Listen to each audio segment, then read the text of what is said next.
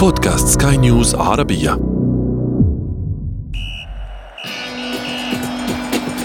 أثير الكرة.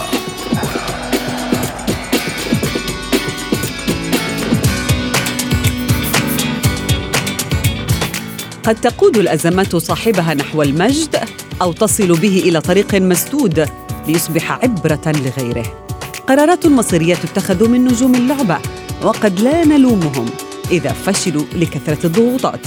لكن كرة القدم تهوى المقارنات بين الكبار خصوصا بين من توج معا بإحدى عشرة كرة ذهبية منذ عام 2008 إلى يومنا هذا. بلبلة في باريس وإصابة مثيرة للجدل. وفي إنجلترا الملاعب مشتعلة بتنافسية لا سابق لها في السنوات الماضية.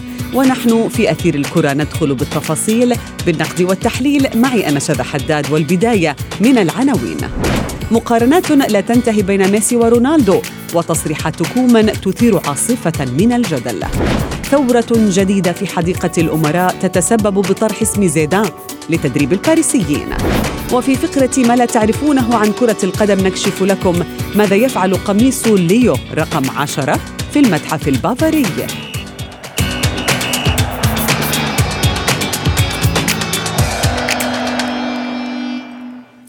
أهلا ومرحبا بكم مستمعينا الكرام في حلقة جديدة من أثير الكرة وفيها نتحدث اليوم عن التقارير التي تحيط مستقبل أهم لاعبي كرة القدم والذين سلكوا طريقا مصيريا آخر هذا الصيف. ومن منهم قدم بصمة رائعة لبداياته ومن تاه في بحر الضغوطات.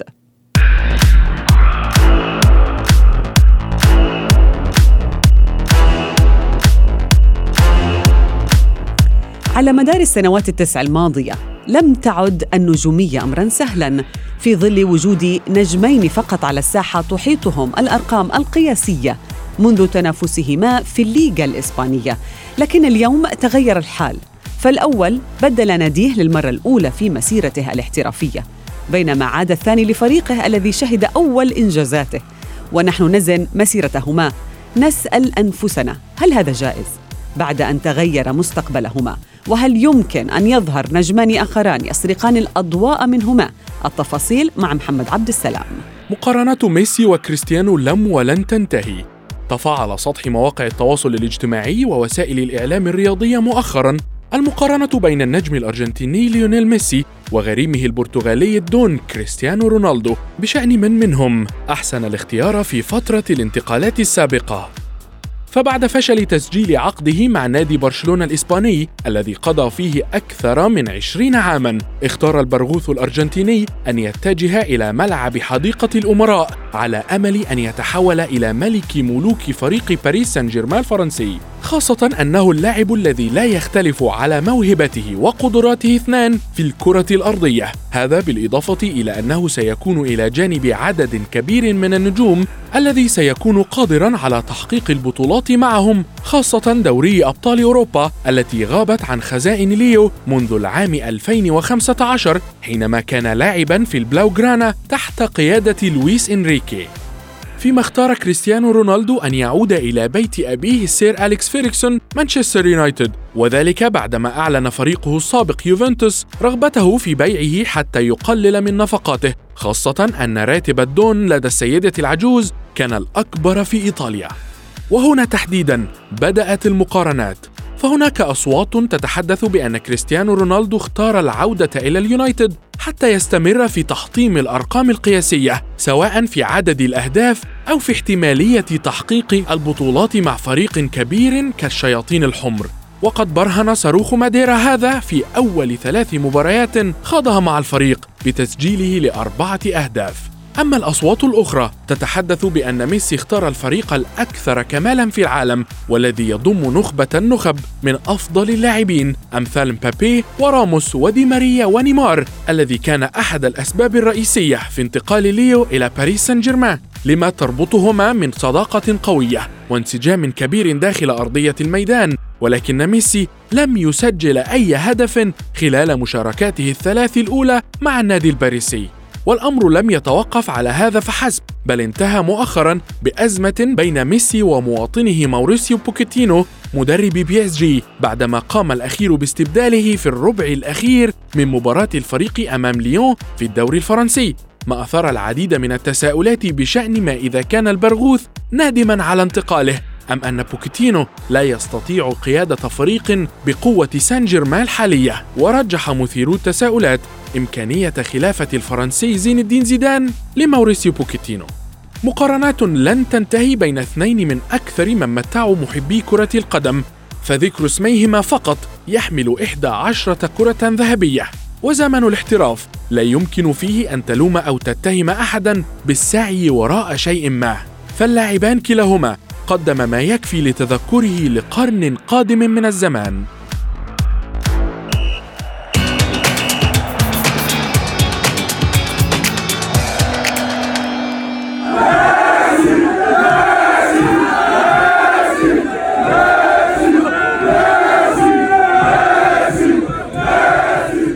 معي بضيفي الإعلامي الرياضي مجدي القاسم. أهلا بك مجدي.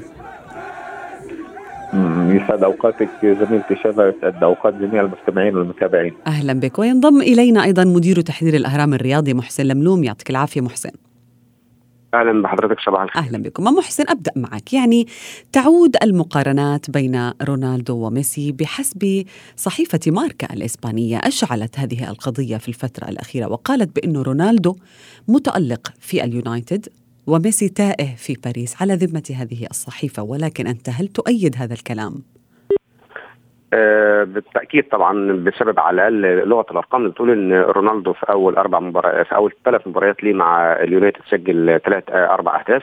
وميسي لحد حتى الآن متخبط بشكل كبير لم يسجل أي أهداف ما كانش له اي تأثير خالص آه، في مباريات باريس سان جيرمان لم يسعف الفريق في في في دوري أبطال أوروبا آه، أمام كلوب بروج البلجيكي اللي كان بالمناسبة باريس سان جيرمان فاز عليه منذ عامين تقريبا بنتيجة 5-1 لكن في وجود ميسي ما قدرش يتعادل الفريق وكان شكله متخاذل. كمان أنهى يعني مش أنهى كمان أضاف عليها الخروج أو الأعتراض اللي كان بشكل غير لائق على مدربه بوكيتينو أمام ليون لما خرج ولم ورفض مصافحته في المقابل بنشوف رونالدو متألق بشكل كبير جدا آه، مع اليونايتد مع العلم إن فريق مانشستر يونايتد في الأساس ما بيعانيش من أزمة تهديف. يمكن أنهى الموسم الماضي من البريمير ليج هو في المركز الثاني وكان ثاني أك... أكتر نادي بعد طبعا السيتي تسجيلا لأهداف ما عندوش أي مشاكل تهديفية خالص. وكان يمكن دي كانت نقطة اعتراض شوية من, من بعض من قليل من المحللين والنقاد في إنجلترا إن قالوا إن هم جابوا رونالدو هم في الأساس مش في حاجة. آه لمهاجمين لكن ورغم ذلك آه رونالدو متألق بشكل كبير ويواصل تألقه. نعم. لكن على العكس تماما آه ميسي حتى هذه اللحظة لم يحالفه التوفيق وغير موفق مع باريس سان جيرمان فالصحيفة طبعا محققه بشكل كبير في نعم. مواصفاته. يعني رغم إنه ممتع هذا الموضوع وهذه المقارنات مجدي ولكن هل هي جائزة؟ خصوصا بأن ميسي ذهب إلى فريق مختلف للمرة الأولى. رونالدو يتنقل وهو ليس الفريق الأول الذي آه، آه، ينتقل إليه آه، رونالدو لكن هذا مانشستر يونايتد أي بيته يعني هل يجوز أن نقارن بين أداء هذين النجمين بعد مرور خمس أو ست جولات من الدوريات التي ينافسون فيها؟ يعني بلا شك شذا هذه المقارنات لن تنتهي إلا باعتزال ميسي ورونالدو، بالتالي المقارنات ستبقى قائمة. عندما انتقل ليونيل ميسي بدأت الحديث عن بيع قمصان ليونيل ميسي. هنالك في في باريس والأعداد والأرقام والمبالغ التي آه، تلقاها النادي والشركة من من وراء بيع قمصان ليونيل ميسي. مباشرة بعد انتقال كريستيانو رونالدو تم الحديث أيضا عن نفس الأمر تحديدا وكان هنالك تفوق واضح لرونالدو حتى على صعيد بيع القمصان بالتالي هذه المقارنات أعتقد بانها لن تتوقف طالما أن هنالك ليونيل ميسي وكريستيانو رونالدو ينزلان على أرض الملعب. وكان هنالك أيضا حديث على إنه رونالدو حتى حرك أسهم مانشستر يونايتد في البورصات العالمية يعني على سبيل المثال خلال اليوم الأول فقط في انتقال رونالدو قفزت أسهم مانشستر يونايتد بنحو 9% بالتالي بنتحدث عن أرقام مفزعة وكبيرة وكبيرة جدا عندما نقول رونالدو يكفي أن نقول لاعب وأيضا ليونيل ميسي يكفي أن نقول بأن هذين اللاعبين تقريبا على مدار 10 12 عاما يسيطران على كل الجوائز أو أغلب الجوائز الفردية نعم. على مستوى العالم من جائزة البالون دور للكرة الذهبية. بالتالي أعتقد ان هذه المقارنات لن تتوقف طالما أن هنالك ليونيل ميسي وكريستيانو رونالدو في أرض الملعب. محسن كما يقول مجدي لربما بعد أن يعتزل آه، آه، هذان النجمان ولكن حتى لو اعتزلا لربما سيخرج بعض الأشخاص أو المحللين أو المتابعين وحتى الجماهير للعودة إلى الماضي ونبش ما حصل وما ما هو مخفي عن الإعلام في وقت ظهور هذين النجمين ولكن ماذا عن ظهور نجوم أخرى؟ يعني إذا ما توجهنا إلى ألمانيا هناك ليواندوفسكي وهالاند هذين النجمين أرقام قياسية مخيفة يحققانها ولكن هل يصلا إلى درجة رونالدو وميسي في هذه الشائعات وهذه الأرقام القياسية وما إلى ذلك؟ بكل أمانة الصراع اللي حصل مع بين رونالدو وميسي مش هيتكرر بالشكل ده وقدامهم بصراحة يمكن عشرات السنين مع كل احترامي لليفاندوفسكي أرقامه القياسية اللي بيحققها حتى مع هالاند حتى مع مبابي اللي هو شايل باريس سان جيرمان اللي فيه ميسي وفيه نيمار. لكن الموضوع كان مختلف ما بين رونالدو وميسي. ما كانش ما كانش صراع نجمين فقط. كان صراع نجمين وفي نفس التوقيت كان صراع بين أكبر ناديين ناديين العالم ريال مدريد أو ناديين آه، ريال مدريد وبرشلونة. كمان الصراع يمكن حتى الأستاذ مجدي قال إن هو لن ينتهي إلا باعتزالهما لكن مش هينتهي. يعني هيفضل كمان الصراع اللي خارج البساط الأخضر موجود ما بين الاثنين رونالدو وميسي آه، وأقصد بذلك الإعلانات والدعاية وال business والكاريزما اللي بره الملعب. ويمكن دي بيتفوق فيها بكل أمانة رونالدو في الفترة الأخيرة آه، ومرشح إن هو يكتسح فيها ميسي بحسب القيمة الفنية يمكن. خلينا نقول لحضرتك إن موهبة ميسي أعلى بكتير يعني. آه، ميسي علاقته بكرة القدم يمكن 95% منها موهبة. فيما فيما آه، فيما إن رونالدو مثلا كل علاقته بكرة القدم آه، موهبته أقل يمكن يكون مهارات.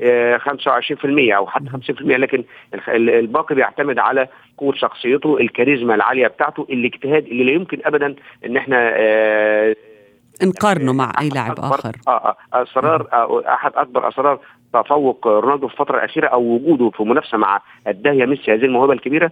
آه، يكفي نقول لحضرتك إن مثلا مدرب زي مدرب مانشستر يونايتد كان دايما بيقول آه، أيام ما كنا أيام ما كان زميله في الملاعب كان بيقول إن رونالدو كان بيأتي قبل ميعاد التدريب ب 45 دقيقة عشان يستعد للتمرين. هو ده عنده دائما وابدا السعي إن هو دايما بيجتهد. يمكن في في في ريال مدريد ودي حاجة أنا لمستها على بشكل شخصي. لما هو حتى سألتهم على كريستيانو رونالدو قالوا هو بيجي قبل اللعبه كلها بساعة واحدة وبيحاول يجهز نفسه للتدريب. وهذا لربما يكون مجدي أحد الأسباب التي آه، يعني يكون واضح فيها بأنه رونالدو آه، لاعب مرتاح في مانشستر يونايتد. زميل الماضي هو المدرب الحالي له. ولكن ماذا عن ميسي؟ ما هي الأسباب التي تحيط بأدائه المتواضع في باريس سان جيرمان؟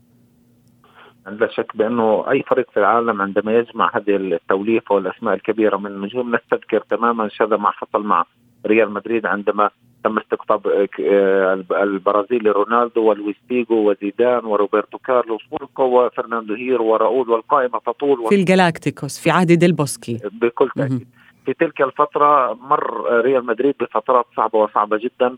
مع كل مع هذا الكم الكبير من النجوم. الآن نشاهد هذا النموذج بشكل آخر مع باريس سان جيرمان يكفي أن نقول بأن انتقالات هذا الموسم هي بحد ذاتها كانت مثيرة ومثيرة جدا وأثارت الكثير من حبر الصحافة العالمية، بالتالي تواجد هذا الكم من النجوم في باريس سان جيرمان أعتقد بأنه سيخلق مشكلة من التنافس خاصة على الصعيد الفردي، نحن نتحدث عن كيليان مبابي يريد أن يكون الأفضل في العالم خاصة وأن يعني لديه مستقبل كبير. ليونيل ميسي بكل تأكيد لا يريد أن يرى لاعب ربما في باريس سان جيرمان يكون أفضل منه. بالتالي هذا التنافس حتى بالنسبة لنيمار وبالنسبة لعدد من نجوم الفريق وأيضا هنالك هل هو الفرق؟ هل هذا هو الفرق بأنه ميسي كان النجم الأوحد في برشلونة واليوم يلعب بين مجموعة من النجوم؟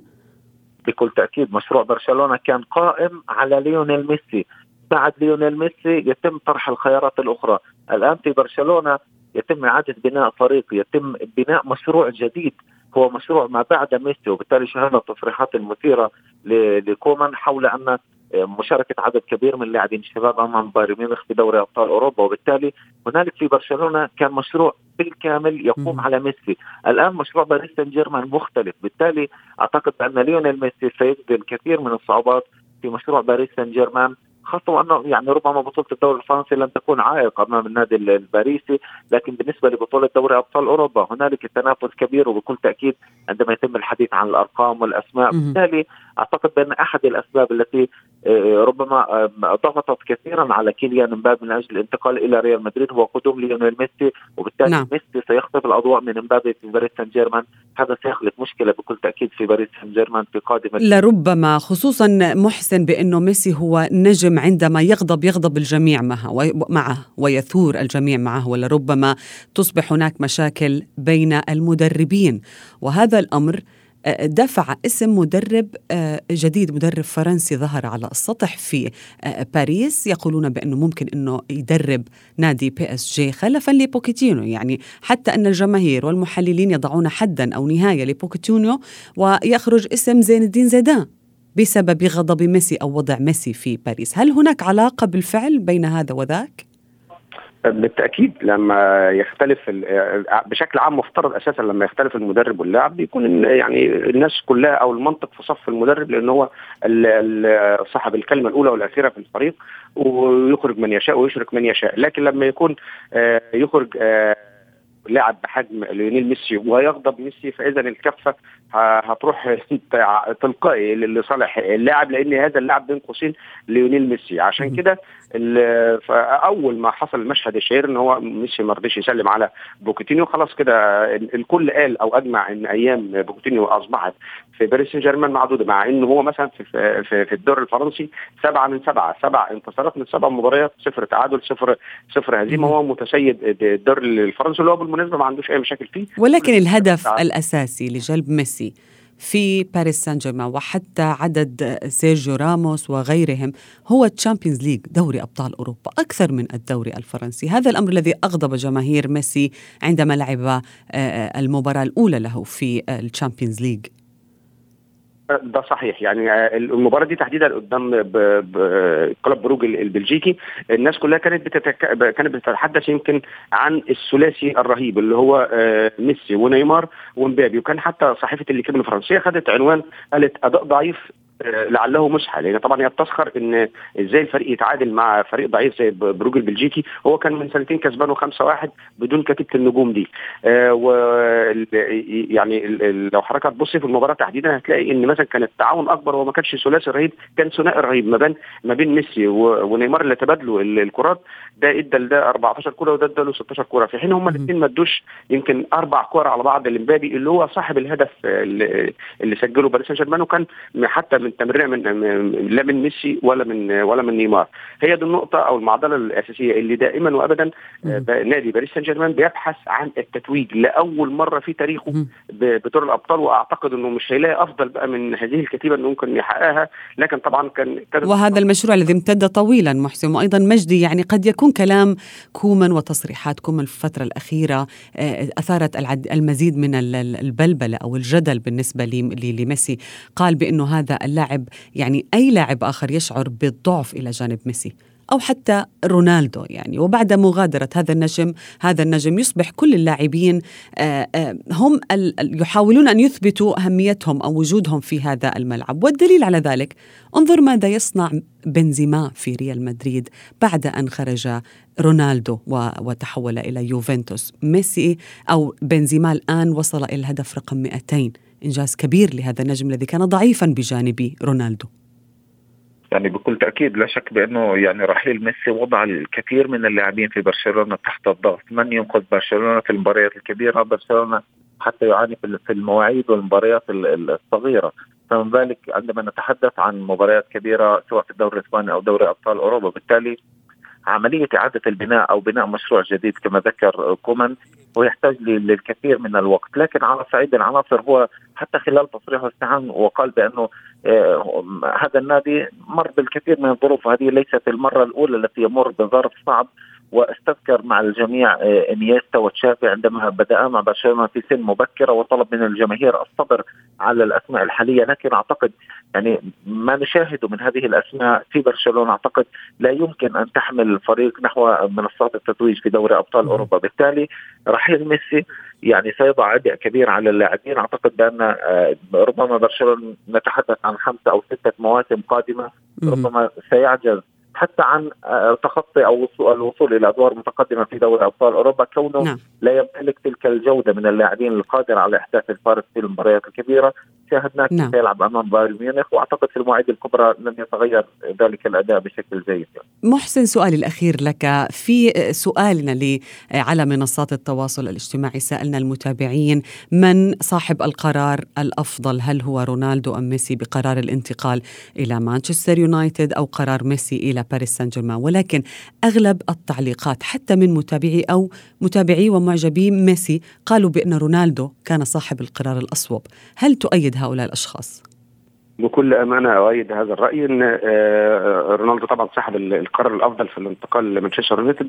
أكثر من ميسي حاب بس أقول يعني ميسي مظلوم في حتة معينة إن هو بداياته مع باريس سان جيرمان آه، مش كويسة والرجوع بداياته مع آه، برشلونة نلاقي إنها كانت أسوأ من بداياته حتى مع باريس سان جيرمان. يمكن أول مباراة ليه في دور الأبطال سنة موسم 2004 2005 خسر برشلونة قدام شختار الأوكراني 2-0 في أول مباراة مع كأس في كأس الملك خسر قدام فريق اسمه جرامانيت آه، فريق مش في الدوري الأسباني مش في مش في الليجا خسر 1-0 بعد التمديد لوقت اضافي حتى في أول ظهور ليه في السوبر الأوروبي خسر قدام أشبيلية 3-0 وكان أول ظهور ليه في الليجا الأسبانية فاز على إسبانيول 1-0 لكن هو شارك لمدة 8 دقائق فقط اذا يعني مش رونالدو آه، عفوا ميسي مظلوم شوية في هذه الجزئية وفقط آه، يجانبه التوفيق. لو سجل أهداف أو هدف أو اثنين أو ثلاثة زي ما عمل رونالدو يمكن كانت المقارنات آه، ما كانتش حصلت بالشكل ده وكانت الكفة اتعدلت شوية. هو يحتاج لربما لهدف وحيد حتى يفتح العداد بالنسبة لليونيل ميسي في باريس. شكرا جزيلا لكما. الإعلام الرياضي مجدي القاسم ومدير تحرير الأهرام الرياضي محسن لملوم.